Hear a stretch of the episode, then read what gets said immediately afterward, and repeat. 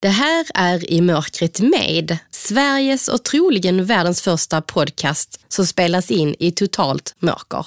Stort tack till vår samarbetspartner Svensk skrivtolkning som gör det möjligt för fler att ta del av I mörkret med genom att texta våra avsnitt. Textade avsnitt hittar du på vår hemsida i Nu rullar det. Rullar det. Hej! Hej! Hej! Alexa här. Hej Alexa, Tjenare. välkommen. Tack så jättemycket, vad roligt. Hur är läget med dig? Du, det är bara bra. Härliga Eh, tider. Det ska bli väldigt spännande det här. Ja. Måste jag ju säga. Ja. ja jag Hej. heter Ulf i alla fall och är, är, är, ja, och gör den här podden med Anna och är krögare här på Svartklubben. Åh, vad kul. Vem är det här då, lilla killen där eller tjejen? Hon med hund. Det är lilla Shanti. Hej Shanti. Åh. Hej sötnos. Det är Annas. Är det Annas? Ja, vad söt du var. Jag har en liten hund själv som heter Sofia. Och hon är hos sin uh, husse just nu. Så att jag är verkligen så här... Ja, I'm in need of my dog. Men du, är du redo att bara gå in och sätta igång? nu är jag redo. För då, då ska vi gå in där, det hänger lite röda gardiner där borta. Åh, herregud.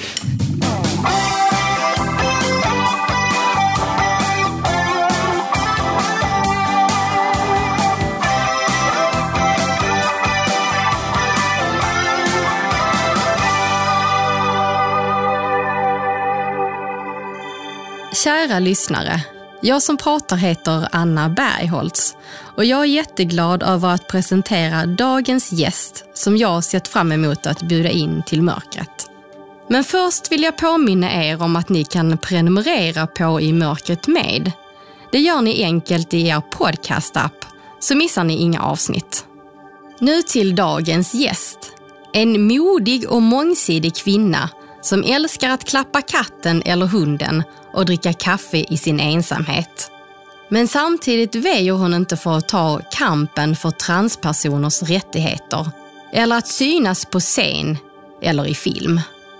Hon föddes som Mattias i fel kropp, gjorde senare en könskorrigering, ett inte helt lätt beslut som också fått sina konsekvenser. Vi pratar om allt det här och om en betydande farmor och hatet mot oss som bryter normen och mycket mer. Som vanligt bjuder Ulf Nordqvist på live musik. Ljudtekniker är Jan Dahlqvist. På scen kunde jag blomma ut. Det här är I mörkret med skådespelaren, journalisten och transaktivisten Alexa Lundberg. Så nu ska du inte ta tag i mig, annars blir det kanske inte så bra. Du, det kan jag bara tänka mig. Så smyger vi inåt. Yes. Då ska vi se, vet du vad, vi kanske ska ropa lite. Anna! Nu kommer vi! Och kommer fram till öppningen här. Då tar vi lite höger. Åh, gud vad läskigt. Ja. Så.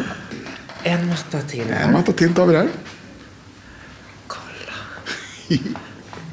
Wow. Nu närmar vi oss Anna här borta. Som sitter och väntar på dig. Halloj. Nu ska vi se, får jag byta hand på dig? Eller är du vänster eller högerhänt? Jag är, jag är högerhänt. Ja. Eh, för din stol är i varje fall där. Jag vet inte varför jag vill sätta folks högerhand på stolen, men jag vill det i alla fall. Där är stolen. Ska- och så ska jag- du vända dig åt andra hållet. Där borta har du Anna, ja. Så här? Är det det här som är stolen? Ja, det, det jag satte handen på var stolen. Så akta mikrofonen så du inte slår Ja, huvudet visst, då ska jag i känna den. micken här också. Så att Ja. den är där. Sitter den bra så, tror du? Det är bra om du som sagt får prata igenom puffskyddet in i micken. Nu ska vi se, måste jag nästan känna med min näsa. Vad är det där på? Där är det. Så. nu, nu känns det bra. Då har du koll på läget. Det, jag tror det. Då tror jag att jag lämnar dig och Anna åt... Åt vårt öde. Här kommer min hand Alexa. Ja, var är du där, någonstans? Där, Hej! hej! Tjenare. Vad kul! Ja, Ja, Jätte- jätteroligt. Jag är verkligen glad att du är här. Ja, men detsamma. Vilken upplevelse. Hur känns det? Ja, alltså jag bara, mina ögon försöker att eh, justera sig för att få in det här mörkerseendet. Men det kommer inte. Så att det är en spännande upplevelse. Lite småläskigt, men eh, kul. Vad är det som är läskigt då? Eh, att man har tappat kontrollen med synen, tror jag. Jag är lite av en kontrollmänniska. Så att, och just synen, jag brukar liksom hålla koll på, ja, där är det, där är det. Eh, så när det försvinner så är det som att man blir extra vaksam på något vis. Är det första gången eh, du är på ett sånt här ställe? Det är det absolut. Jag har, eh, jag har aldrig haft den här erfarenheten förut. Och det, så när jag fick ditt mejl, Anna, så det, det, första jag gjorde var att tacka ja. För att jag bara, det här, den här erfarenheten vill jag ha. Liksom. Ja. Vad roligt. Nej, och det är vi jätteglada för. För det, det är ju det vi hoppas också kunna ge våra gäster. Ja, men det är fantastiskt kul att ha det här. Eh, och du är i trygga händer. Ja, det, det förstår jag. Så på det viset är jag lugn. Så Ulf är ju här eh, ja, mer eller mindre varje kväll och jobbar. Just det. Och är det här då som en restaurang vi sitter i nu?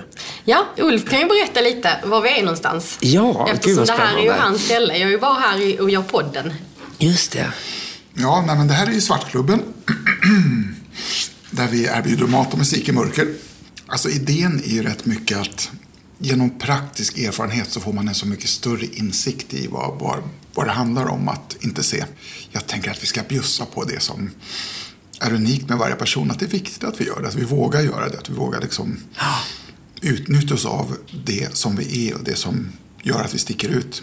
Just det. För det är ju det som gör att det blir en stark upplevelse. Att vi vågar berätta det, att vi inte tar bort det och håller undan det. Mm. det är ju så lätt att gömma undan. Och, och man ska hela tiden vara som alla andra. Och, mm. och då tänker jag att eh, ja, det här är ett bra sätt att berätta något. Och just nu när vi sitter här så du har kanske Alex att det pågår lite förberedelse inför kvällen va Ulf? Det ja, lagas lite mat. Ja, ja, så är det. Ah, ja, det är det. det är, borr. är det någon borr? ja, det är så den lagas mat här, man kan undra. borrar hårda biffar. Ett tag så vet jag inte riktigt vad det där är för ett ljud, men det är ett ljud helt klart som dök upp en reflektion här eh, är ju att man blir lugnare i liksom... Jag, känner att det, man börjar bli liksom... Den här spänningen man brukar ha i pannan, liksom, precis för ögonen, den slappnar av helt och hållet. Det är ju fantastiskt. Mm. Ja, vi ses om en stund Ulf, när du ska komma in med lite ätbart och drickbart till oss. Jag återkommer. Yes. yes. Eh, Alexa, eh, berätta med egna ord vem du är. Eh, jag heter då som sagt Alexa Lundberg. Jag är skådespelare och journalist. Och jag eh, jobbar mycket med att eh, sätta fokus på transfrågor. Så förutom då att skådespela och skriva artiklar så mm, ser jag även till att vara ute och föreläsa. Eh, jag släppte en bok nu i höstas som heter Bögtjejen. Och den är jag ute och pratar rätt mycket om i författarsamtal och sådär. Liksom. Om du skulle beskriva dina egenskaper? Oj, så där, just det. Det är så lätt att man pratar om sig själv som yrkesmänniska. Ja, ja. Intressant. Visst är det ofta så man gör? Ja, ja men verkligen. Ja, varför är det så egentligen? Jag vet inte. Vad tror du? Ja, det är säkert att vi lever i något så här arbetarsamhälle. Liksom. Man ska vara effektiv och duktig. Och man skapar sin identitet mycket i vad man tillför, känns ja. det som. Men som människa mera, då är jag nog rätt mycket av en... Eh, jag är nog lite egensinnig, tror jag. jag tycker mycket om att vara själv. Ehm, lite så social ensamvarg skulle man kunna säga. Ehm, jag har ingenting emot till exempel att om jag är ledig att att stanna hemma liksom och inte träffa någon eller ens prata med någon på telefon. Liksom. Sen har jag ju såklart mina vänner och min familj som är jätteviktiga för mig. Om jag ska försöka sammanfatta mig själv så är det nog lite så. Jag, en arbetsmyra, social ensamvarg. Eh, lite splittrad också skulle, skulle jag nog säga. På vilket sätt? Jo, det märker man ju också då, för att prata yrke, liksom, att, att jag gör många saker samtidigt. Och det sammanfattar mig nog rätt mycket som person, att jag har svårt att välja ibland. Eh, att jag kan tycka att, det är, att många saker är roliga och jag vill liksom inte välja bort. Va? Så att ena dagen kanske jag tycker att det är jättekul att titta på Netflix till exempel om man är ledig. Eller så om man har någon av sina socialare perioder så blir det mycket partaj kanske. Eller sådär. Så att jag, ja. Du låter ganska lik mig faktiskt. Är det så? Nej, ja. Jag eh, jobbar ju som journalist, jag föreläser, skriver barnböcker, modererar konferenser, gör podden här. Just det. Eh, tycker om att umgås med mina vänner som betyder mycket för mig också. Men jag har ett oerhört stort behov av att vara ensam och vara hemma. Tycker om att vara hemma. Ja, men visst är det skönt? Ja. Vad gör du när du är hemma då? Eh, klappa katten, går ut med hunden. Eh, eh, jag tittar mycket på dokumentärer. Eh, läser, brygger kaffe. Kaffe är en viktig ingrediens i mitt liv. Jaha. Och ibland bara slökollar på, på dåliga serier, kort och gott. När skulle du säga att du trivs som fisken i vattnet? Åh, gud vilken svår fråga. Det, alltså det är ju vid lite olika tillfällen. Eh, ibland kan det vara när man är ute och föreläser och, och känner liksom att åh, nu, idag gick det bra, det var många intressanta möten och folk kanske kom fram och berättade om sina livserfarenheter och så blev det ett intressant utbyte. så liksom. Då, då trivs jag ofta väldigt bra. Men det kan också bara vara av att jag sitter och eh, har en tidning framför mig, eh, sitter och funderar kanske på nästa projekt. Ska jag skriva en bok nästa gång eller ska jag gå vidare med den här idén till tv-serie eller vad det nu är man, man sitter och, och fnular på liksom. Och dricker sitt kaffe där och mår gött. Då, då trivs jag också rätt så bra. och just nu eh, så trivs jag faktiskt väldigt bra eh, för att jag är i en eh, bytesprocess eh, med min eh, lägenhet, ska byta till en större. Eh, Så att nu sitter jag och myser om kvällarna med att liksom i huvudet inreda den lägenheten i förväg. Tycker du det är kul med inredning? Älskar inredning. Ja, det gör jag med. Är det sant? Får jag vara fräck och fråga då? Liksom? Ja, fråga på. Om man inte... För, för jag, jag märker ju det att det visuella är ju väldigt viktigt i, i min värld. Ja. När jag liksom inreder. Men när, när, när liksom livet är så här så att säga, så att man, det här sinnet inte existerar. Liksom, hur tänker man på inredning då? Alltså jag har ju, jag har ju sett tidigare. Jag blev ju Mm. blind när jag var 24, jag är 41 nu. Okej. Eh, Så att jag har alltid tyckt det var, var ja, men roligt med inredning, färg, form. Mm. Jag har det hemifrån. Jag har en mamma som eh, ja, men, liksom jag fick göra, hjälpa till att göra om i mitt rum när jag var barn. Och så. Om jag får beskrivet färger och sånt för mig. Sen är det ju lite jobbigt och frustrerande idag. Mm. Eh, För att jag menar en röd färg kan vara olika nyanser av rött och rosa och ja men du vet blått och sådär. Ja, men precis. Eh, Men sen är det ju också mycket material, mycket känslan, det är ju former, alltså mycket sånt känner man ju. Och sen är det ju väldigt mycket också känslan eh, när man kliver in i en lägenhet. Att oavsett om, liksom, om man tittar eller inte så är det ju en känsla i rummet. Ja, men precis. Ja, men coolt. För att det, eh, jag, jag tänkte annars om det var så här liksom att eftersom jag tänker att man känner sig fram väldigt mycket.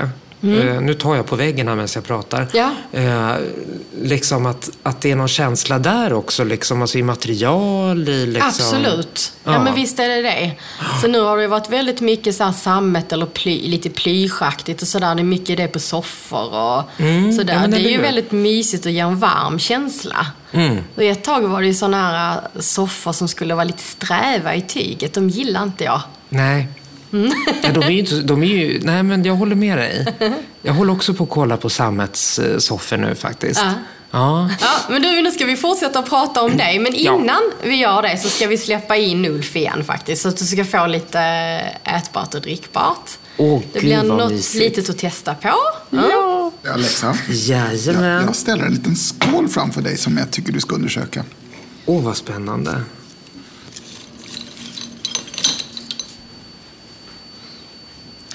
Och nu vet jag att du är vegan, så att jag har varit noga med det, så att du vet det. Ja. ja. Åh! Vad surt godis. Var det surt? Ja. Jag visste inte det. Nu är jag borta. Gud vad gott. Lakrits. Åh, gud. Oh. Du får stoppa i dig alla samtidigt, det låter det som. Alltså, jag går verkligen in i någon så primal state här. Jag känner på allt liksom. Och Jag tror att det är tre olika sorter där i. och så känner jag nu på den här äh, skålen. Nu försöker jag förstå hur den här skålen ser ut. Och det är en sån här rund, avlångt rund sak. Är det skålen eller måste säga? Jag vet inte. Aha, ja. Ja, men precis. Och den är rätt stor. Ja, men vi- Skålen. Ja. Visst är den det? ja, det känns så. Och nu börjar jag få ett hum om det vi pratade om tidigare, det här med hur man liksom ser att saker ser ut. Nu tycker jag mig se hur den här skålen ser ut. Får du bild av färgen också? Vit. Ja. Är det en vit Ulf? Han försvann igen. Nu, nu är vi bortom min kunskap. Ja. Jag, jag, Har du inte Ja. koll på inredningen Ulf? Ja, men precis. dessvärre så vet jag inte vad den där skålen har för färg. Jag kan såklart gå och ta reda på det. Vet du vad, Alexa? När man har käkat godis en stund, då behöver man ett glas, så, tänker jag. Det, Och har man ett glas så borde man ha någonting i den. det borde man. Och där kommer då det. Och då borde man ju ha en öppnare. Ja, Eller hur? du har tänkt på allt. Nu ska det bli spännande dock. Det ska det verkligen bli. Jag föreslår att du tar och öppnar, öppnar flaskan, häller ur flaskan i glaset. Det här kan alltså bli slabbigt, va? Nej, det låter bra än så länge. Där åkte korken. Där åkte eller den. kylen, eller vad det heter. So far so good. Och där har vi den. Vill man, vara lite så här, vill man vara lite orolig kan man sticka ner ett litet lätt pekfinger med den hand som är ledig och Just det. mö, möta eventuellt ytan. Eller faktiskt Oj, det var mycket kvar där alltså. bubblet som kommer liksom upp till. För det, man känner egentligen innan ytan kommer. Ja, det är så. Jag har ett finger lite liksom. Nu var det klart. Åh, jag vill veta vad det här är. Vad spännande. Och det är bubbelvatten. Ja. Så det var inte mer spännande än så. Nej. jag, jag exotifierar min tillfälliga eh, blindhet här. Ja. Jag ska ta en godisbit jag med. Det är vegansk godis det här. Ja, men det är det. Ja, självklart eh, är det det. Ni ger mig en, eh, en resa i alla möjliga erfarenheter här. Mm, den var stark. Mm, eller hur? Där är någonting också sen som är inpackat. Jag vet inte om det är mjukt eller hårt riktigt. Ja, du får testa sen. Men det tror jag är såna här banana skis. Som är extremt goda. Det ska vara Det- något banan, ja. Mm. Ja, men precis. Det är lite utav mitt eh, favoritgodis också faktiskt. Vad bra. Men du tog det på pappret, kände igen det. Mm. Och den här eh, känslan också. Eh, att de är lite hårda, men man kan ändå böja dem liksom. Och förresten, jag ska öppna min eh, vatten bara. Har du öppnaren där? Åh, vad spännande. Ja, men visst ser du. Nu får du ursäkta, jag har suttit och kladdat på min banana ski här samtidigt. det är så att den kanske är lite kladdig. Var är du, Anna? Här är jag. Jag knackar i bordet här. Nu knackar du. Nu får jag börja använda mig av mina händer. Där! Där, är du. Och, Och vad har du där öppnat? Där kommer ja. den. Ja, du var lite kladdig. Här sitter jag och smyg. Ja, ja, det får man. Det är så praktiskt också att smyga med saker i mörkret. Ja, verkligen. I can get away with everything now. Yes, precis. Ja. Eh, jag, jag har ju läst din eh, fantastiska bok, Bögtjejen. Jag sträckläste den. Åh, gud vad kul. Så att jag har ju läst en del om ditt liv, men jag tänker alla vet ju kanske inte som lyssnar eh, på eh, I mörkret med. Men om vi backar tillbaks till din barndom, hur skulle du beskriva din barndom, Alexa? Ja, den, den var ju inte jättehärlig alla gånger. Eh, Det är ju så, som jag beskriver där i boken så, eh, så var jag dels utsatt för våld i hemmet. Eh, Men jag hade ju också tankar om kön och könsidentitet och sådana grejer. Och eh, ville ju få vara flicka. Eh, alltså då det man socialt menar med att vara flicka. Eh, ha på sig klänningar och långt hår och sådana grejer.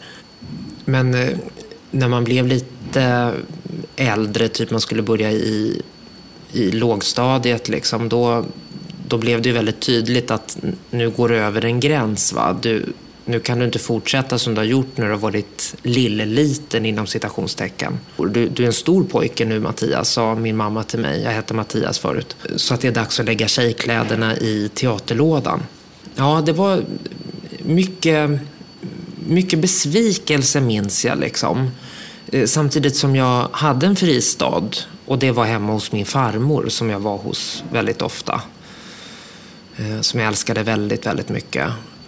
Eh, hon var inte lika hård med den här typen av regler mot just mig. Så, att, ehm, så hon var ju väldigt fin med mig ehm, och lät mig ha på mig klänningar och ärva hennes handväskor. Det var också mycket det här att om jag kände mig ledsen från hemifrån eller att det hade hänt något jobbigt i skolan eller sådär, då kunde jag alltid komma till farmor och hon förstod liksom.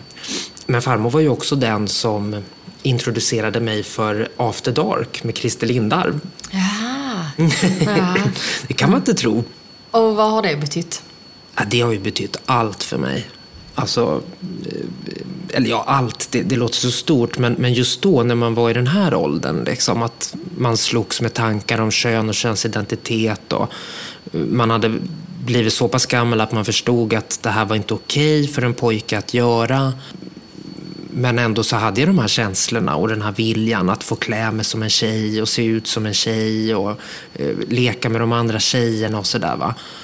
Eh, och att då bli introducerad för en värld där det var på det sättet. Där de var öppet homosexuella, att de liksom klädde sig i tjejkläder och att det fanns ett namn för det. Det var dragshow. Eh, sen är inte jag dragqueen, men, men, men då var det ju liksom den referensen jag hade. Och ja, det var ju jättestort. Jag började ju kunna fantisera om att det en dag faktiskt kunde bli så. Att jag också fick eh, vara som de andra tjejerna inom citationstecken. Att att det fanns en värld där det accepterades. Och att man själv kanske kunde stå någon gång där på scenen med Christer och Lasse liksom, och, ja, och ha det gött. Men jag tänker, hur mycket visste du själv? Alltså, idag vet man kanske lite mera. Mm. Eh, att man kan eh, födas i så att säga fel kropp. Och... Eh, nej, det var ju lite samma sak för mig då.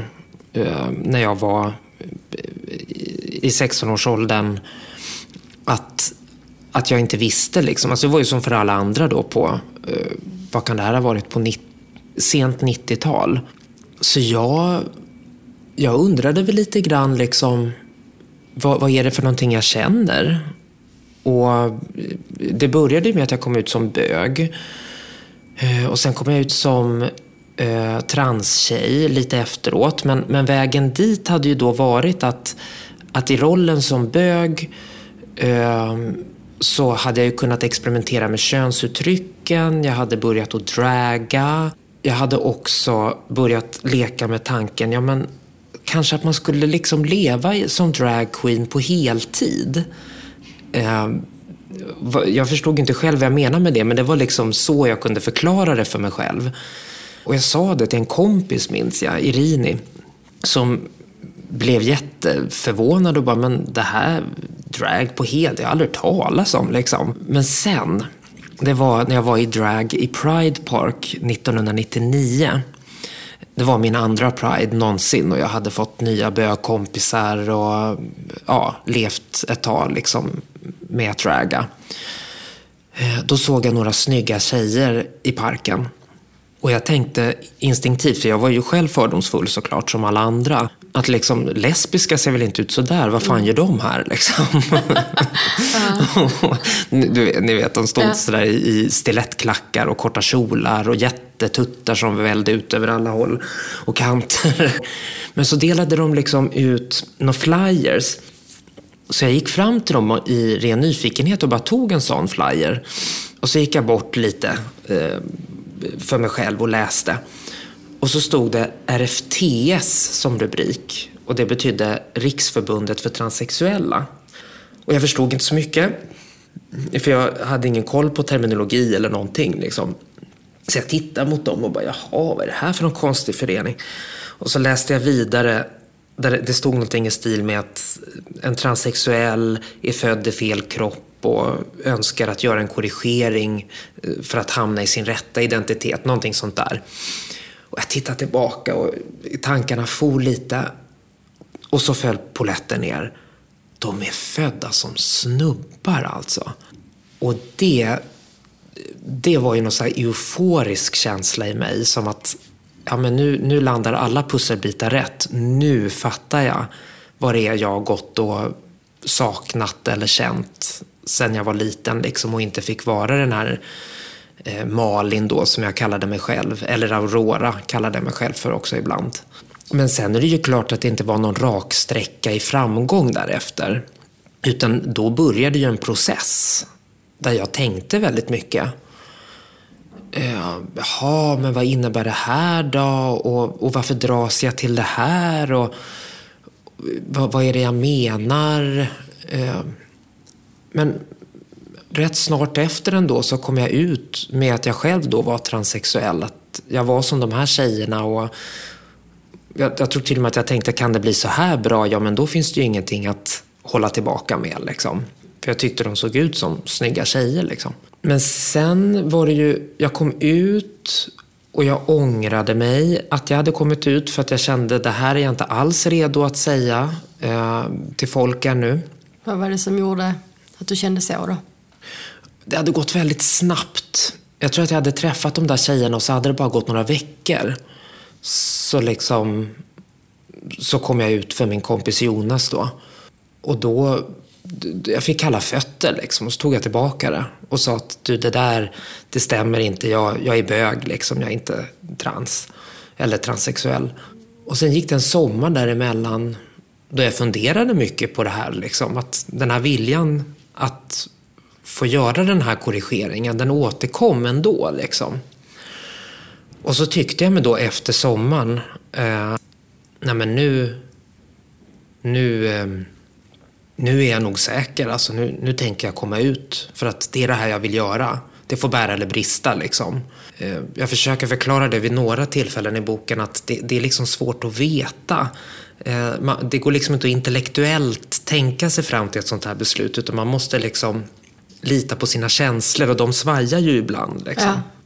Så till slut då så blev det ju att jag ändå bestämde, nej men jag vill det här så pass mycket så jag tänker komma ut. Så att det var väl någon gång i slutet på hösten, början på vintern eh, samma år, typ ett halvår efter att jag hade träffat de där tjejerna första gången som jag började komma ut för den större massan av min omgivning, min klass och föräldrar och, och sådär. Eh, och jag går ju på gymnasiet då, som sagt, jag är 17. Vad fick du för reaktioner? Eh, blandade min mamma blev extremt orolig för mig. Och, och, och tänkte att Nej, men det, här, det här stämmer inte. Jag har fött en son, jag har inte fått en dotter. Um, och... Man skulle ändå kunna tänka sig att jag menar, din mamma mm. har sett det här ändå och liksom, aha, men nu faller ju pusselbitarna på plats mm. även för henne. Ja, absolut. Var det någon förnekelse tror du, eller? Det kan ha varit så. Eh, hennes mantra hade ju varit hela livet, liksom, att, eller hela mitt liv, eh, att nej men det här är en fas och den går över. Så länge vi liksom uppmuntrar honom i det han vill göra, då, då är det ingen fara. Då kommer det, han kommer växa upp till att bli en trygg heteroman. Liksom. Det var ju så hon tänkte när jag var liten. Liksom när jag kom ut så, så blev det väl någon process även för henne. Liksom. Ja, såklart. Ja, men, men alltså idag är ju hon hbtq-aktivist deluxe. Ja. Liksom. Hon ja. hatar ju allt som har med fördomar mot hbtq-personer att göra och sitter och svär mot tvn om någon säger något plumpt. Eller du vet, ja. sådär, liksom. Ja. Så att den här processen var ju förhållandevis kort. Det tog henne kanske något år, skulle jag säga, innan hon var med på tåget. Liksom. Och sen dess har hon ju varit en jättestöttepelare i mitt liv. Liksom. Och andra runt omkring det? Tänk och vänner och... Ja, alltså det var faktiskt väldigt mycket stöd. Du tog ju det beslutet eh, till slut då och gjorde den här operationen, könskorrigeringen. Mm. Men du beskriver också i boken att eh, du hade ju väldigt mycket funderingar liksom ända in på operationsbordet och även efteråt. Mm. Men eh, att ta det här beslutet ändå, jag tänker det är oerhört modigt. Ja, det blev ju på det här sättet för att jag liksom tryckte undan mina ångerkänslor. Eh, det var ju liksom som ett krig i mig. Där ena sidan absolut var tvungen att få göra den här operationen och andra sidan var lite som någon fröken-person som stod och bara, är du verkligen säker nu? Ja, ska du verkligen göra det här? Och, och till slut var man ju liksom tvungen, man kan ju inte leva i den där limbon hela tiden av ska jag, ska jag inte? Eh, så att till slut var ju en sida tvungen att vinna. Och, och det var just den här, jo men jag behöver göra den här operationen för att bli hel. Liksom. Och då, då var det liksom hela vägen in i kaklet. Liksom. Jag ska göra den här operationen. Men efter operationen då hände någonting som man brukar kalla för post-op depression. Alltså att man, man har gått igenom allting, allting är klart, man är på den platsen som man har kämpat i flera år på att få vara på. Och så är det helt plötsligt bara tyst. Vad händer nu då? Vad ska jag kämpa för nu? Eller uh. liksom... Uh. och, och um, det tog väl ett tag innan det inföll sig. Men det var också i kombination med att jag märkte att jag inte blev bemött på det viset som jag hade föreställt mig. Att jag inte blev sedd som tjej i alla läger trots att jag hade gjort den här operationen. Och att det gick att se på min kropp och på mitt ansikte och sådär. Liksom att, att jag faktiskt hade gjort en könskorrigering och att vissa reagerade på det. Och då tänkte jag, så, men vad, vad var vitsen då? Om jag ändå ska bli motbekräftad, varför har jag lagt ner all den här energin? Liksom? Och, och utsatt min kropp för enorma... Liksom, det är ju en väldig påfrestning för kroppen såklart att man byter ut ett hormon eh, ett kroppshormon och byter ut mot ett annat. Liksom. Men känner du att det var rätt beslut? Ja och nej. Eh, och eh, beroende på. Ja. alltså, jag, jag, identifierar mig som kvinna och jag ja. ångrar mig inte på det sättet som man kan tänka sig att man menar när man säger ånger. Eh, däremot så har jag ju feministiska, jag är ju feminist liksom, så att jag har olika analyser om, jaha, handlar det bara om sociala koder, det här med, med kön och könsroller? Ehm, ja då, då är det ju fullkomligt onödigt att göra en könskorrigering. Då, då borde man ju inte göra det. Men om det finns en biologisk förklaring till varför kroppen, eller att min hjärna då är det väl snarare, mår bäst av att uppleva att kroppen är kvinnlig, ja då finns det ju en vits med det. Och det finns ju forskning, eh, och det är ju det man jobbar ute efter i de här könsidentitetsteamen, eh, som då pekar på att det är jag tror att det är en procent av världens befolkning som är transsexuella. Och den siffran är bestående över hela världen oavsett vilken kultur vi pratar om. Det man jobbar utefter då för TES det är att hjärnan utvecklas i ett stadie eh, när man ligger som foster eh, och resten av kroppen utvecklas i ett annat stadie. Och då badar då först hjärnan i sina hormonnivåer. Liksom. Och där skapas en uppfattning om att man är man eller kvinna. Eh, och sen kommer förhoppningsvis då samma hormon ut i kroppen, testosteron eller östrogen då som dominerande hormon. Och hos transsexuella individer då så är det här en kolliderande eh, process, alltså det går åt två olika håll. Att hjärnan mm. får sin process och utvecklar att man kanske är kvinna då, som i mitt fall. Eh, och resten av kroppen utvecklas till man. Det, det, är ju en liten diskussion om det här just nu. Att liksom, vadå, att könet sitter i hjärnan, det här var biologism och liksom att vi ska tillbaka till något gammalt tänk sådär. Men, men det är det ju inte, för det här handlar inte om att vi har olika hjärnor eh, utifrån om vi är bra eller dåliga på matte eller vad vi fattar eller intellektuellt eller sådär. Utan det här handlar ju om hur vi uppfattar våra kroppar. Vad tror du själv då? Eftersom läkare jobbar med den teorin så är det ju ingenting som någon bara hittar på, utan mm. det forskas ju på det. Liksom. Men jag tror att vi behöver ta reda på lite mera, vad gäller då? Är professionen, är vetenskapsmännen enade liksom? Eller är det inte så? Och i sådana fall, vad säger de andra vetenskapspersonerna som tycker att det här är humbug i så fall? Liksom? Ja. Finns det något så här olika teorier om det?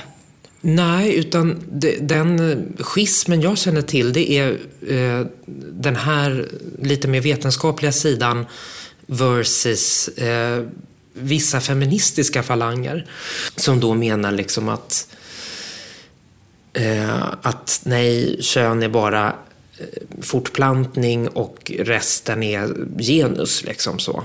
Nej, men det finns ju ett, ett, eh, ett bråk, eller vad man ska säga, mellan feminister och eh, transaktivister då främst.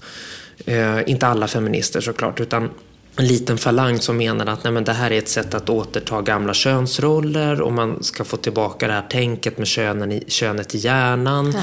Och det följer av liksom, eh, idealbilder av, och då pratar man ju främst om transkvinnor alltså.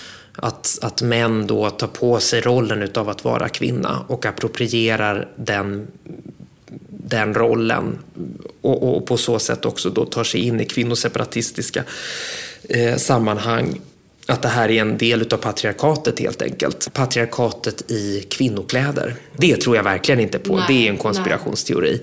Nej. Däremot så är jag väldigt nyfiken på den här äh, mera vetenskapliga sidan av det hela. Jag tror också att det landar i att, att det behöver forskas mer på det här ja. området. Men, men, men min personliga agenda idag det är liksom inte att det ska bevisas åt något håll överhuvudtaget. För att jag har gjort den här operationen, jag ser ut som jag ser ut, jag låter som jag låter, jag är den jag är liksom. Och jag är fine med det. Så oavsett vad man än kommer fram till vetenskapligt eller sociologiskt eller på något annat sätt så är det bara. Men, And I don't care. Liksom. Ja. Men eh, jag läste att eh, eh, personer som är transsexuella som har genomgått en könskorrigering, de flesta mår ju bättre efteråt. Exakt, och ja. det finns vetenskapligt ja. Bevisat. Att av alla oss som har gjort det här så mår merparten bättre än innan de gjorde operationen. Så det är ju ett argument till att man får fortsätta eller att man inte ska se det som en del av patriarkatet eller så. Liksom. Ja. Jag, jag, måste berätta, när jag gick i åttonde klass mm. så fick vi i uppgift i skolan att vi skulle redovisa och recensera en bok. Mm. Och då läste jag Mitt liv av Caroline Cossey. Är det sant? Jo, och mina That was an odd choice. ja, Men very alltså, good one. Ja, för jag, jag älskade den boken. Och jag vet inte, det, det var liksom någonting som eh, rörde om i mig, tror jag. För, för de lyssnare då som inte vet eh, vem Caroline Cossey är, det är ju, hon är ju ganska känd som Bondbrud. Ja, precis. Eh, men föddes också som eh, pojke då. Precis. Och det är ju hennes berättelse då om hennes liv och mm. hon gjorde också senare en könskorrigering. Det här måste ju ha varit på 70-80-talet, mycket mm. tidigare. Ja. Men alla mina klasskamrater tyckte ju att jag var jättekonstig som, som berättade om den där boken och tyckte att det var jättekonstigt. Och jag, och jag, och jag själv, alltså jag, jag är själv eh, eh, blev sjuk i en reumatisk sjukdom när jag var barn. Mm. Eh, så att jag har varit mycket på sjukhuset, jag har mött människor av olika slag jag, du vet, eh, alltså, mm. som har gått igenom saker i livet och sådär. Och jag tänkte nog själv, ja men det är väl inte så konstigt mm. om, om det är så att man kan födas i fel kropp så att säga. Ja, Lika väl som att eh, ja, men man kan födas utan en tå eller, nej men du vet, alltså lite så. Ja. Det är väl inte så konstigt, tyckte jag. Nej, men eller hur? Jag, jag tycker fast inte heller det. Nej, men, men jag tror ju att det som gör att folk, eh, främst då feminister, eh, blir oroliga utav att man pratar om fel kropp och sådär, det är ju att it all comes down to hjärnan. Eh, och det är ju ett trauma såklart för kvinnofrågor. Att kvinnor har ju alla tider blivit diskriminerade på grund av att vi har ansetts vara mindre alltså, intellektuellt underlägsna. Liksom. Mm. Alltså det, det, är grunden till att man från just feministiskt håll kan tycka att det här är skevt. Liksom. Att man pratar om kön i hjärnan och så. Liksom. Det är spännande. Får se mm. om, om de kommer fram med något vetenskapligt till slut. Ja, men precis. Jag ska, jag ska faktiskt börja gräva i det här på riktigt, har jag bestämt mig för. Och förhoppningsvis kunna sammanställa vad jag har kommit fram till då, genom att prata med både feminister och eh, de här läkarna på könsidentitetsteamen och transsexuella och ja, alla Ja. som kan tänkas ha en åsikt i frågan. Ja. Vet du Alexa, vi ska fortsätta och prata lite om din skådespelarkarriär tänkte jag. Men vi ska släppa in Ulf först med lite musik. Ja! Jag behövs. Du behövs. För vi har någonting att ge.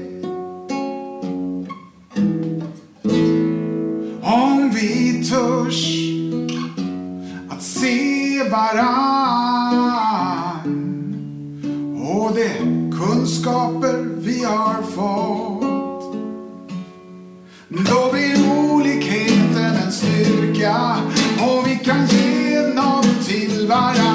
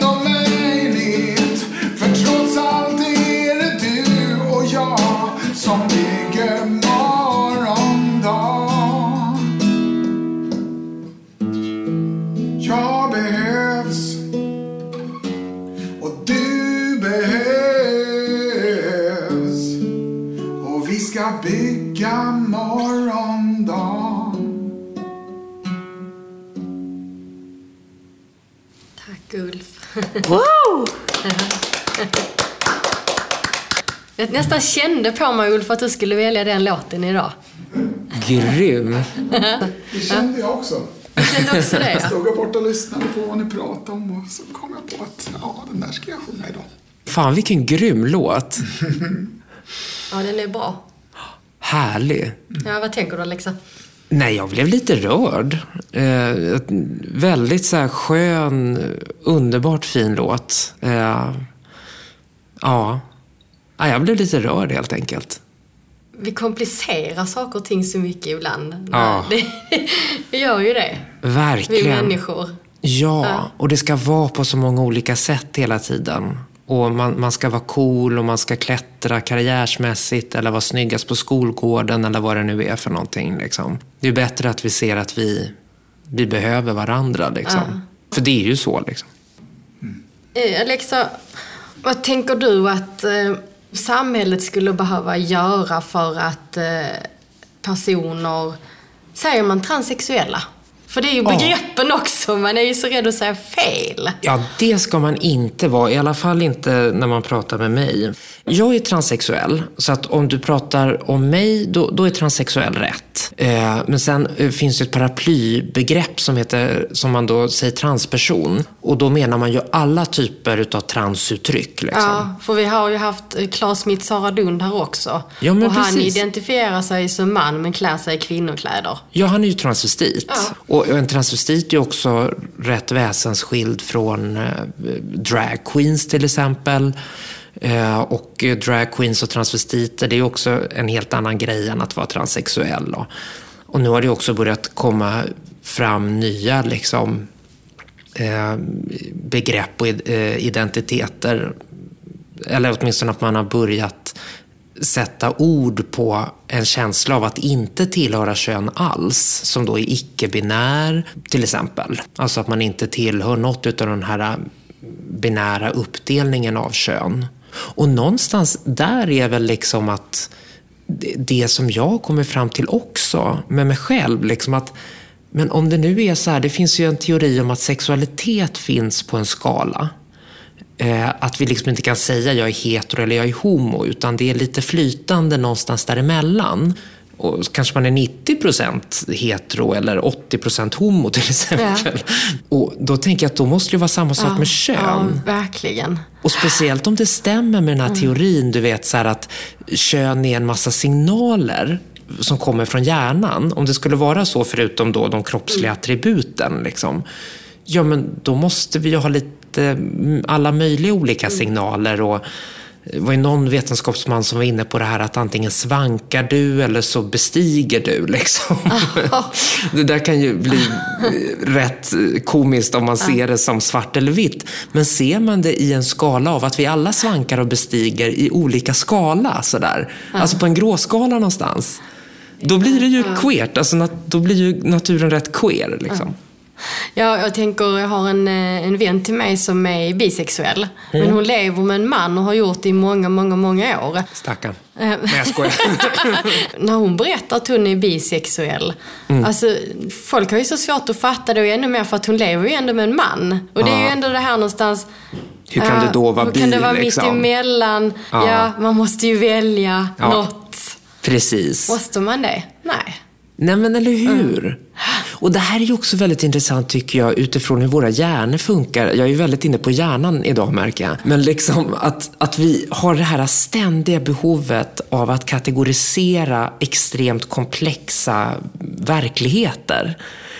Eh, och på ett sätt då, okej, okay, det kanske vi behöver för vi, vi, vi kan inte förstå allting på det vis det verkligen ser ut om vi ska snacka om liksom rymden och liksom minsta molekyl som finns i vår... Alltså vi förenklar ju hela tiden. Liksom. Men vad det gäller sådana här saker, alltså könstillhörighet, sexualitet, alltså där borde vi ju använda vår intelligens till att liksom hitta nya boxar. Mm. Det, det, är ju inte svårt att liksom hitta nya normer och boxar som rymmer flera eh, sätt att tillhöra ett kön på eller att tända på någon eller sådär. Liksom. Men om jag återgår till den frågan här. Vad skulle du då som eh, är transsexuell, mm. Eh, vad skulle du önska att samhället blev bättre på? Jag önskar att vi slutade att se på varandra som vad kan du ge mig? Eh, att vi kommer bort ifrån det där sättet att se på varandra som kunder på en marknad nästan kan det kännas som ibland. Och faktiskt börja se på varandra som, som människor. Och vad då gäller kön, så liksom, varför är det viktigt för oss? Eh, att någon är man eller kvinna. Varför är det viktigt för oss om någon är bög eller eh, lesbisk eller straight? Alltså, who cares? Alltså att vi liksom börjar luckra upp de här sanningarna inom citationstecken. Hur kan man komma dit då, tror du? Jag är ju jag är utav den bestämda uppfattningen att det här handlar mycket om det system som vi lever i idag, det ekonomiska systemet. Att det, det är ju liksom idag, det är ju liksom uppbyggt för att vi ska suga ut varandra. Alltså det är några i toppen som tjänar enorma pengar eh, på det arbete som de flesta av oss gör och vi bråkar om småsmulor i princip. Eh, och jag tror ju att det är där homofobi kommer in eh, och transfobi och så vidare. Alltså att det är väldigt lätt, och, och rasism inte minst, speciellt idag. Eh, att vi liksom börjar kategorisera oss ut efter kön och etnicitet och sådär liksom, så kan vi kasta skit på varandra och säga jag ska i alla fall ha två kaksmulor och du ska inte ha någon. Liksom. Mm. Jag tror att allting hänger ihop och jag tror att det ekonomiska systemet som det ser ut idag är en väldigt stor bov till väldigt mycket av den splittring som vi ser. Så om man förändrar det ekonomiska systemet, tror du att det gör skillnad då?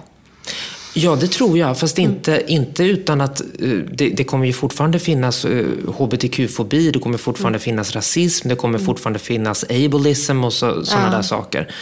Uh, så att, ja, jag tror absolut att vi måste omfördela resurser. Alltså, dels utefter vad planeten tål, men också liksom eh, ur en mänsklig aspekt. Liksom. Alltså, varför ska jag tjäna mer än dig? Eller varför ska någon annan tjäna? Alltså sådär liksom. Mm. Åtminstone när det kommer till proportioner där vissa har ett överflöd och andra svälter. Jag känner själv eh, alltså funkofobin, eh, mm. alltså hat mm. mot eh, människor som på något vis bryter normen. Mm. Eh, jag har ju aldrig tidigare mött liksom hat mot mig själv förrän för ett par månader sedan. Nu till vår samarbetspartner Svensk skrivtolkning och Mohammed Chakra som ska berätta om hur ett skrivtolkningsuppdrag kan gå till på universitetet. Universitetet hör av sig till eh, vår samordnare och säger att vi har en student som ska läsa en kurs. Och vi skulle behöva skrivtolkar som har särskild kunskap inom, om vi säger till exempel att det är statsvetenskap som det handlar om. Man vill alltid ha en tolk som har kunskap inom det området man tolkar för att minska risken för att det blir feltolkningar helt enkelt.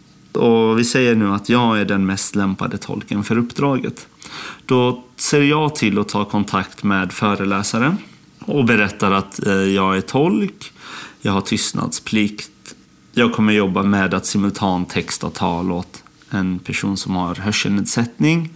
Men ingenting av det jag skriver sparas och jag skulle behöva ta del av förberedelsematerial för att kunna läsa in mig på ämnet.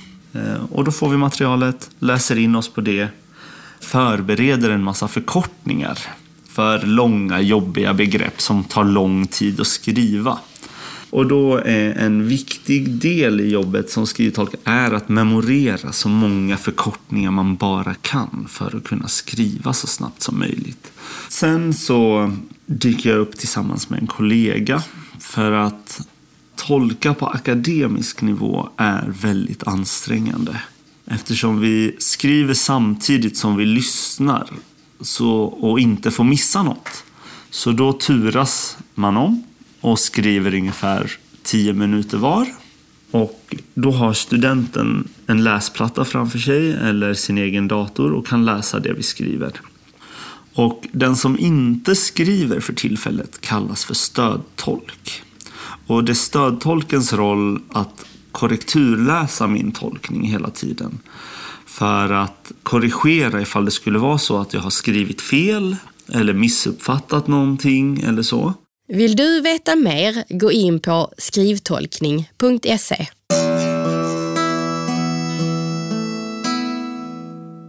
Jag har ju aldrig tidigare mött liksom hat mot mig själv förrän för ett par månader sedan. När någon hade skrivit eh, ganska otäcka kommentarer på min YouTube-kanal.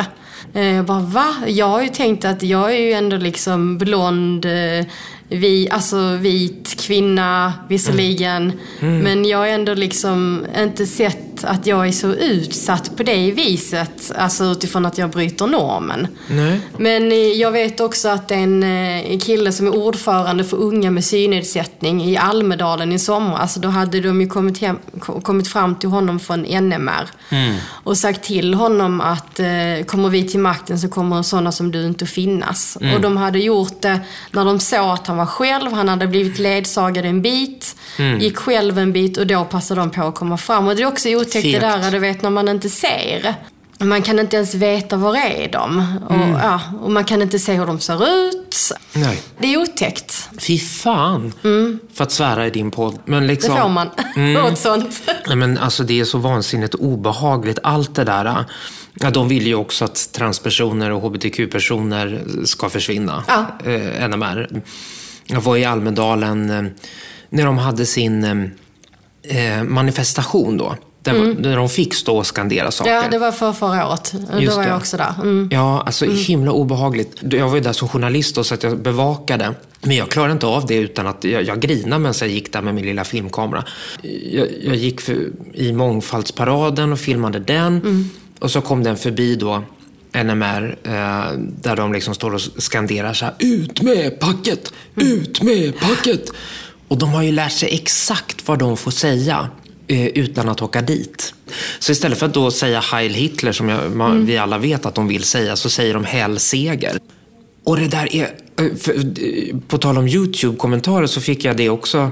Jag la upp en film där jag hade dokumenterat NMR på min YouTube-kanal och fick då mängder med Hell Seger och sådär. Va? Och jag polisanmälde allt sånt som jag tyckte det där borde de kunna åka dit på. Lades ju ner direkt. Varför det? Jag tror att det har med det här att göra. Att de mm. använder sig av symboler som tidigare vi inte har kopplat till nazismen lika starkt. Mm. Det, det är någonstans där de har gått flera år på raken. Är det inte någonstans i Dalarna? Exakt, ja. ja. Eh, så jag var där och då ser man ju, de går ju där med barnvagnar. De har ju liksom sin egna lilla sektkoloni liksom, mm. där de föder upp barn som lär sig om att nazismen är det rätta liksom, från att de är noll år. Liksom. Det är väldigt ofattbart. Ja. Kan man förändra deras sätt att tänka, tror du? Nej, det tror jag inte. Eh, för de, de är fanatiker liksom. Eh, och eh, hjärntvättade. Alltså det här är ju, det är ju liksom bortom Alltså det var ju en sak, nu kanske jag säger något jättekonstigt, då får du klippa det i sådana fall. Mm, men, ja. men det var ju en sak när Hitler tog makten, för det var ju liksom en kollektiv Dels var det ett annat samhälle, det var inte lika upplyst som idag. Och, och där kan vi ju verkligen snacka. Eh, alltså, hur folk var fattiga. Eh, Hitler kom, eh, kom och sa, jag är eran frälsare, jag ska, precis som Trump gör nu, eh, jag står på eran sida. Det, det, är därför jag ofta försöker göra den parallellen, för att jag tycker det hänger så, så tätt ihop med den ekonomiska biten. Att liksom, då, då, står ju han där och, och, är en finansman, Trump, och säger liksom, det, jag står på arbetarnas sida. Det gör du inte alls. Du bara säger det. Det är bara en retorik tagen i luften. Liksom. Men då är folk tyvärr inte mer pålästa än att de röstar på honom. Liksom. Och jag tror att det var samma sak som hände med Hitler. Att eh, det var den här eh, ekonomiska depressionen och liksom man, man letade efter något nytt, man var arg på den politiska eliten och sådär. Liksom. Men idag kan ju inte NMR komma till makten på samma sätt. Och genom att på ett så förenklat sätt, det märker man ju med SD till exempel tycker jag.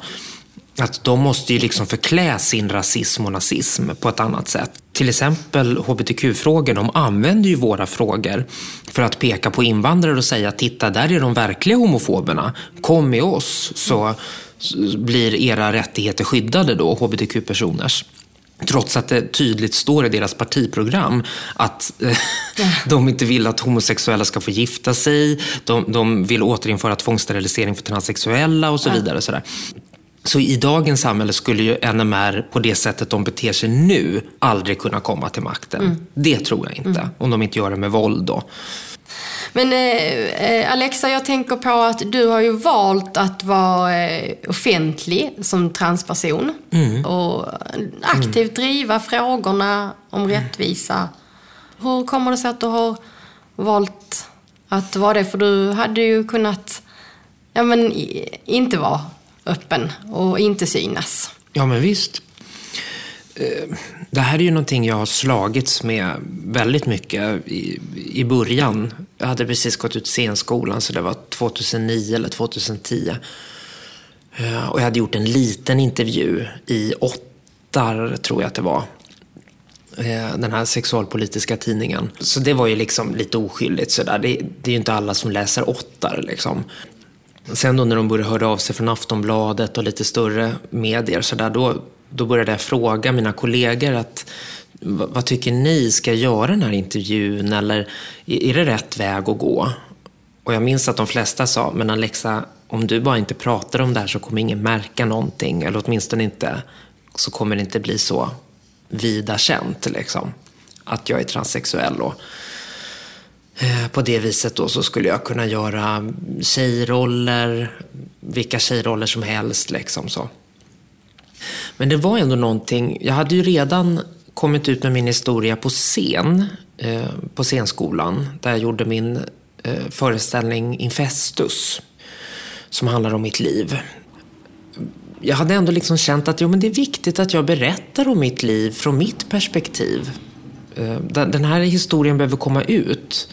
Och det var också av den anledningen då som Ottar ville träffa mig och då blev det någon eh, beskrivning av mig som den första transsexuella personen som är öppen med det och har gått på en statlig scenskola. Liksom. Och jag tänkte, oj, det här är en rubrik som jag inte vet om jag vill sprida. Det var därför jag blev tveksam. Liksom. Det här vet jag inte om jag vill gå vidare med. Men det är klart att det var fantastiskt att precis ha gått ut från scenskolan och bli uppvaktad av media sådär liksom. Och att man hade en unik selling point, liksom en USP. Ja. Har jag fått lära mig ja, att det heter. Det, unique selling point. ja. jag, jag, valde till slut att, jo men nu gör jag den här intervjun. Eh, I Aftonbladet var det. Jag tror till och med att det var någon helgbilaga, så det var ju väldigt så här, säljigt. Liksom. Så här, oh, Alexa föddes som man, idag är hon den snyggaste tjejen på stan. Typ. Alltså, det var en ja. sån artikel. Liksom. Mm. Jag var väldigt missnöjd efter den. Jag kände, gud det här vill jag inte ställa upp på. Och så kände jag att nej men nu, jag ställer inte upp på mer sånt här. Eh, så jag började tacka nej till intervjuer eh, som hade med just trans att göra. Men så kände jag liksom att jag hade min föreställning Infestus, jag hade ett politiskt budskap jag blev mer och mer insatt eh, och fick mer och mer kontakt med transaktivistiska grupper inom RFSL och så vidare. Och jag förstod liksom att det här är ju en fråga som är jätteviktig. Det här, vi måste prata om det här. Om, om vi som har plattformar eh, och, och, blir uppbjudna till dans. Liksom. Om vi håller tyst. Jag menar det... Nej. Jag, jag, jag förstod liksom sakta jag vill dra mitt strå till stacken. Liksom. Mm. Och sen dess, då har jag ju också känt att jag växt enormt mycket som människa. Var det rätt val att ta och vara öppen med det, tänker du? Ja, jag tycker det. Eh, jag hade nog inte varit särskilt glad som, mm. Alltså att, att, att det hade varit en, och speciellt idag också, det är så naturligt eh, att vi sitter här, att den här podden finns, mm. liksom, att jag är öppen med att jag är transperson. Det är också en del av en samhällsutveckling, ser jag det som. Det man inte har talat om tidigare, det är viktigt att, att vi talar om det. Eh, och jag läste en av rubrikerna också det stod det transsexuell spelar på Dramaten och det var också oh, om det. Det var Aftonbladet, de jävlarna. Jag, jag kan känna igen det när folk har skrivit till mig, att liksom mm. jag är blind i första hand. Då är man ju ja. blind eller transsexuell i första hand. Exakt. Ja, verkligen. Nej, men jag tycker att det är intressant, eh, vi journalister båda två, för det, du måste ju också ha så här, brottats med oh, det här ja. mer än en gång. Oh ja. Ja, nej, men det, för jag också. Eh, jag, eh, när jag gick på Poppys journalistskola, jag var bäst på att göra smaskiga rubriker. jag har förmodligen fått att varit utsatt för det själv. Det, det, det. Min lärare var så här, Alexa du är den mest oetiska journalisten.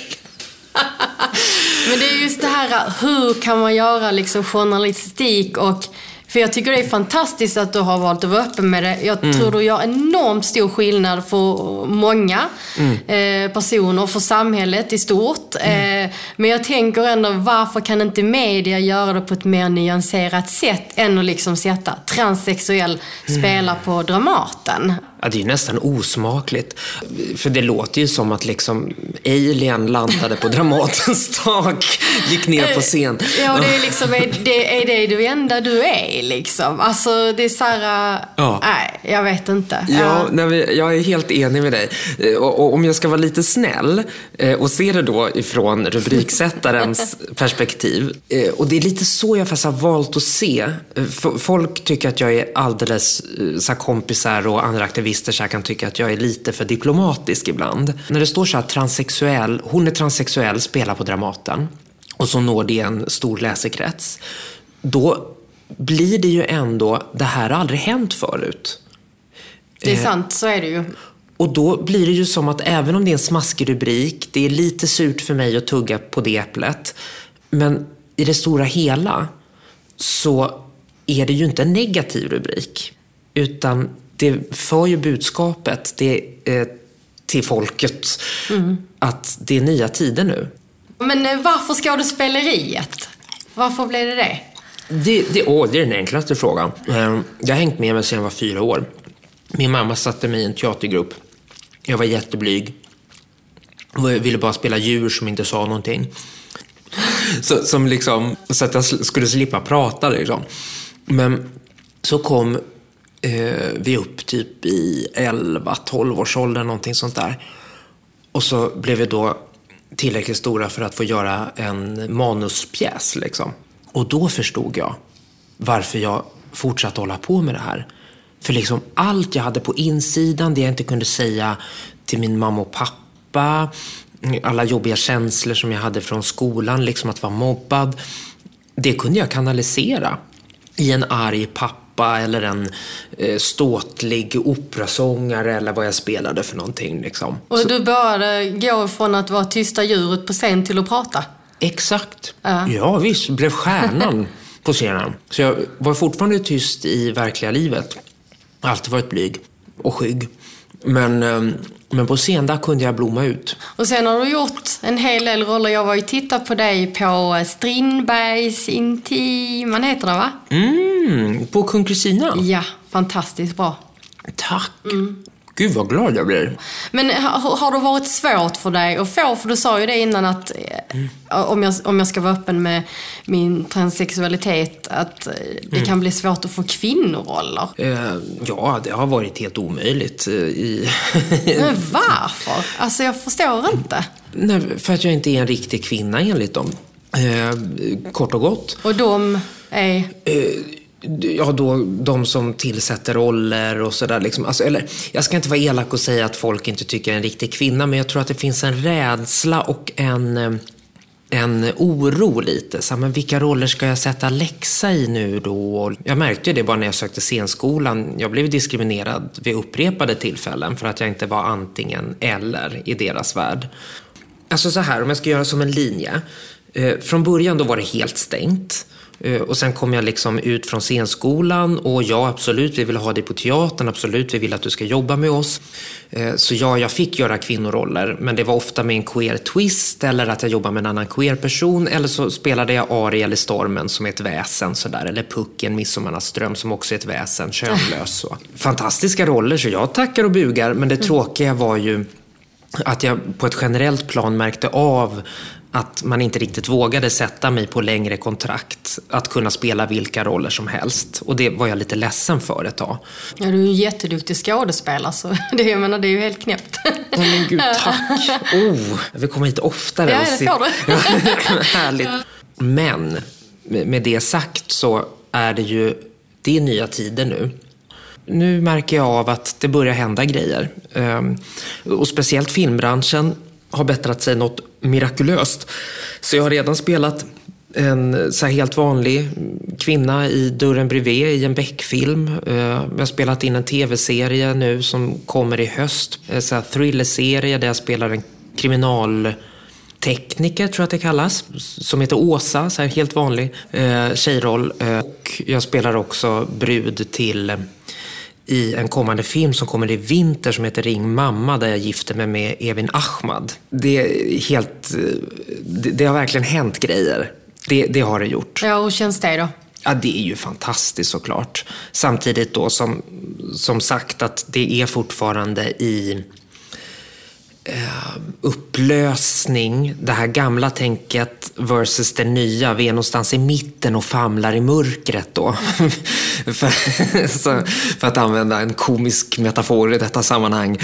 Eh, nej, men liksom där, vi, där vi undrar, liksom, okej, så är det här okej? Ja, men ja, kanske att Alexa kan göra den här rollen. Men jag upplever det här famlandet som positivt. Så det är kul.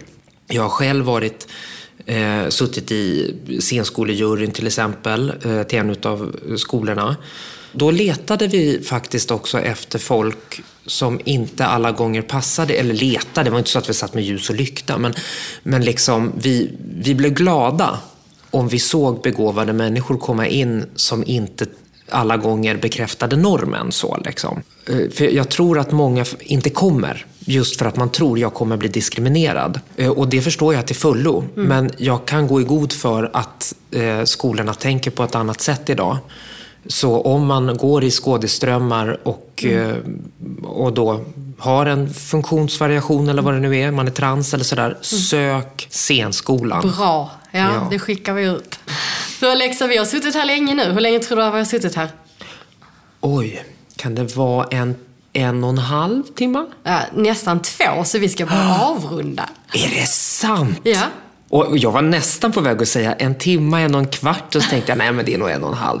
Åh herregud, är det två? Hjälp. Hur känns det nu att ha suttit här och blivit intervjuad i mörkret? Alltså det är så skönt. Det är en av de bästa intervjuer jag har gjort tror jag. Eh, Man, man- blir avslappnad i mörkret. Ja, det händer något, eller hur? Definitivt. Jag kan koncentrera mig mer på vad du säger än på... Jag tror aldrig att jag har lyssnat så mycket faktiskt. På min Ja. egen röst också för jag pratar en jävla massa. Ja. Det är liksom... det är tanken. Det är du Ja. som är gäst. Vi ska avsluta med snabbfrågor. Okej. Eh, antingen eller-frågor. Mm. Te eller kaffe? Kaffe. Det visste jag att du skulle svara. jag älskar kaffe. Chips eller smågodis?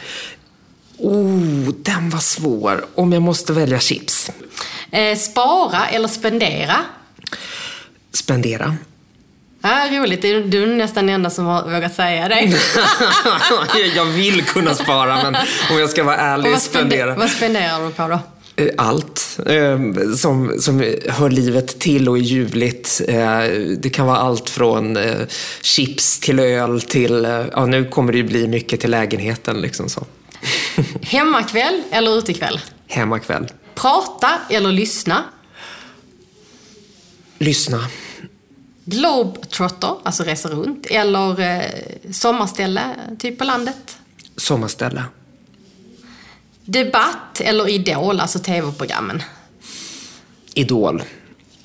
Jag är så trött. Alltså debatt. Jag hatar debatt. Det, det är ju världens värsta program. Det är ju som att de bara, ja hej, eh, jag, har varit med, jag, jag var med när det hette Debatt och så jag blev lite uppringd några gånger när det hetat Opinion Live.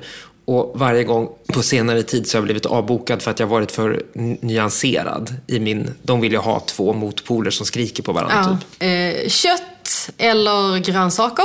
Grönsaker. Barn eller vuxna? Oj, jag älskar mina syskonbarn eh, och är med dem mer än gärna. Men om, om vi pratar generellt så är det vuxna. Katt eller hund? Jag har både katt och hund. Ja, just det, det har du ja. Två bajskorvar. Mm. ja. Skriva eller läsa? Oj, nu sätter du mig på pottan här. Jag älskar att läsa och jag älskar att skriva. Jag kan inte välja det. Nej, det är okej. ja, jag, jag får panikångest här. Jag, Händig eller tumme mitt i handen? tummen mitt i handen, without a doubt. Och så sista, ljus eller mörker? Ja, alltså efter att ha suttit här nu, då måste jag ju säga mörker. För det här var extremt skönt. Ja, ja, men det är många som säger det. Ja, definitivt. Extremt mycket mer avslappnad och att jag lyssnar på vad du säger på ett helt annat sätt än vad jag gör annars. Jag är mycket mer medveten om hur jag ser ut i vanliga fall. Och nu är det som att man blir lite lämnad i fred på ett sätt och det tycker jag är skönt. Men man är ändå social. Du ska få skriva i vår gästbok som vi har här. Okej. Är den här någonstans? Här, nu ska vi se om vi hittar varandra. Var det du? Du hittar pennan i alla fall. Och där är boken. Yes, nu ska vi se. Och så på den sidan, eh, där det sitter gäng, kan du skriva vad du vill. Oh, gud vad spännande. Så vi vet att du har varit här i mörkret med. Ja men du, oj oj oj. Där är ett gem då och då ska vi se. Hej. Ska vi se. Oj, där var det slut.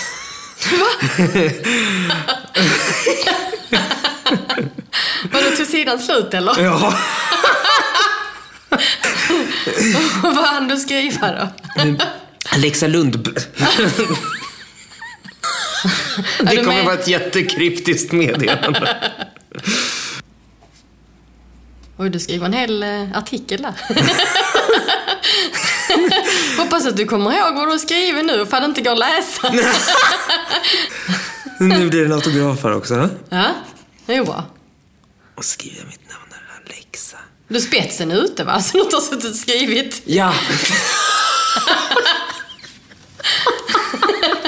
Det är den va?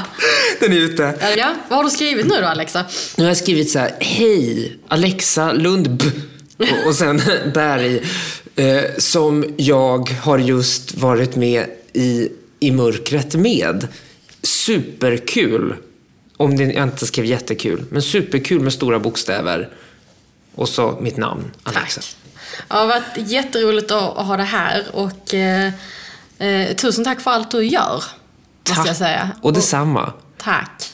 Och lycka till med alla, allt spännande som du har framför dig. Och jag ska se fram emot filmerna här i höst. Ja, oh! Jag Ja. tittar på dem. Ja. Eh, via Play och eh, Ring Mamma kommer på bio i vinter. Tack för att du lyssnat. Och vill du veta mer om Alexa Lundbergs historia så läs gärna hennes bok Bögtjejen. Oss kan du komma i kontakt med på e-post hej snabel-a imokretmed.se. Vi har också en Facebook-sida och hemsida är imokretmed.se. Vi hörs igen om fyra veckor.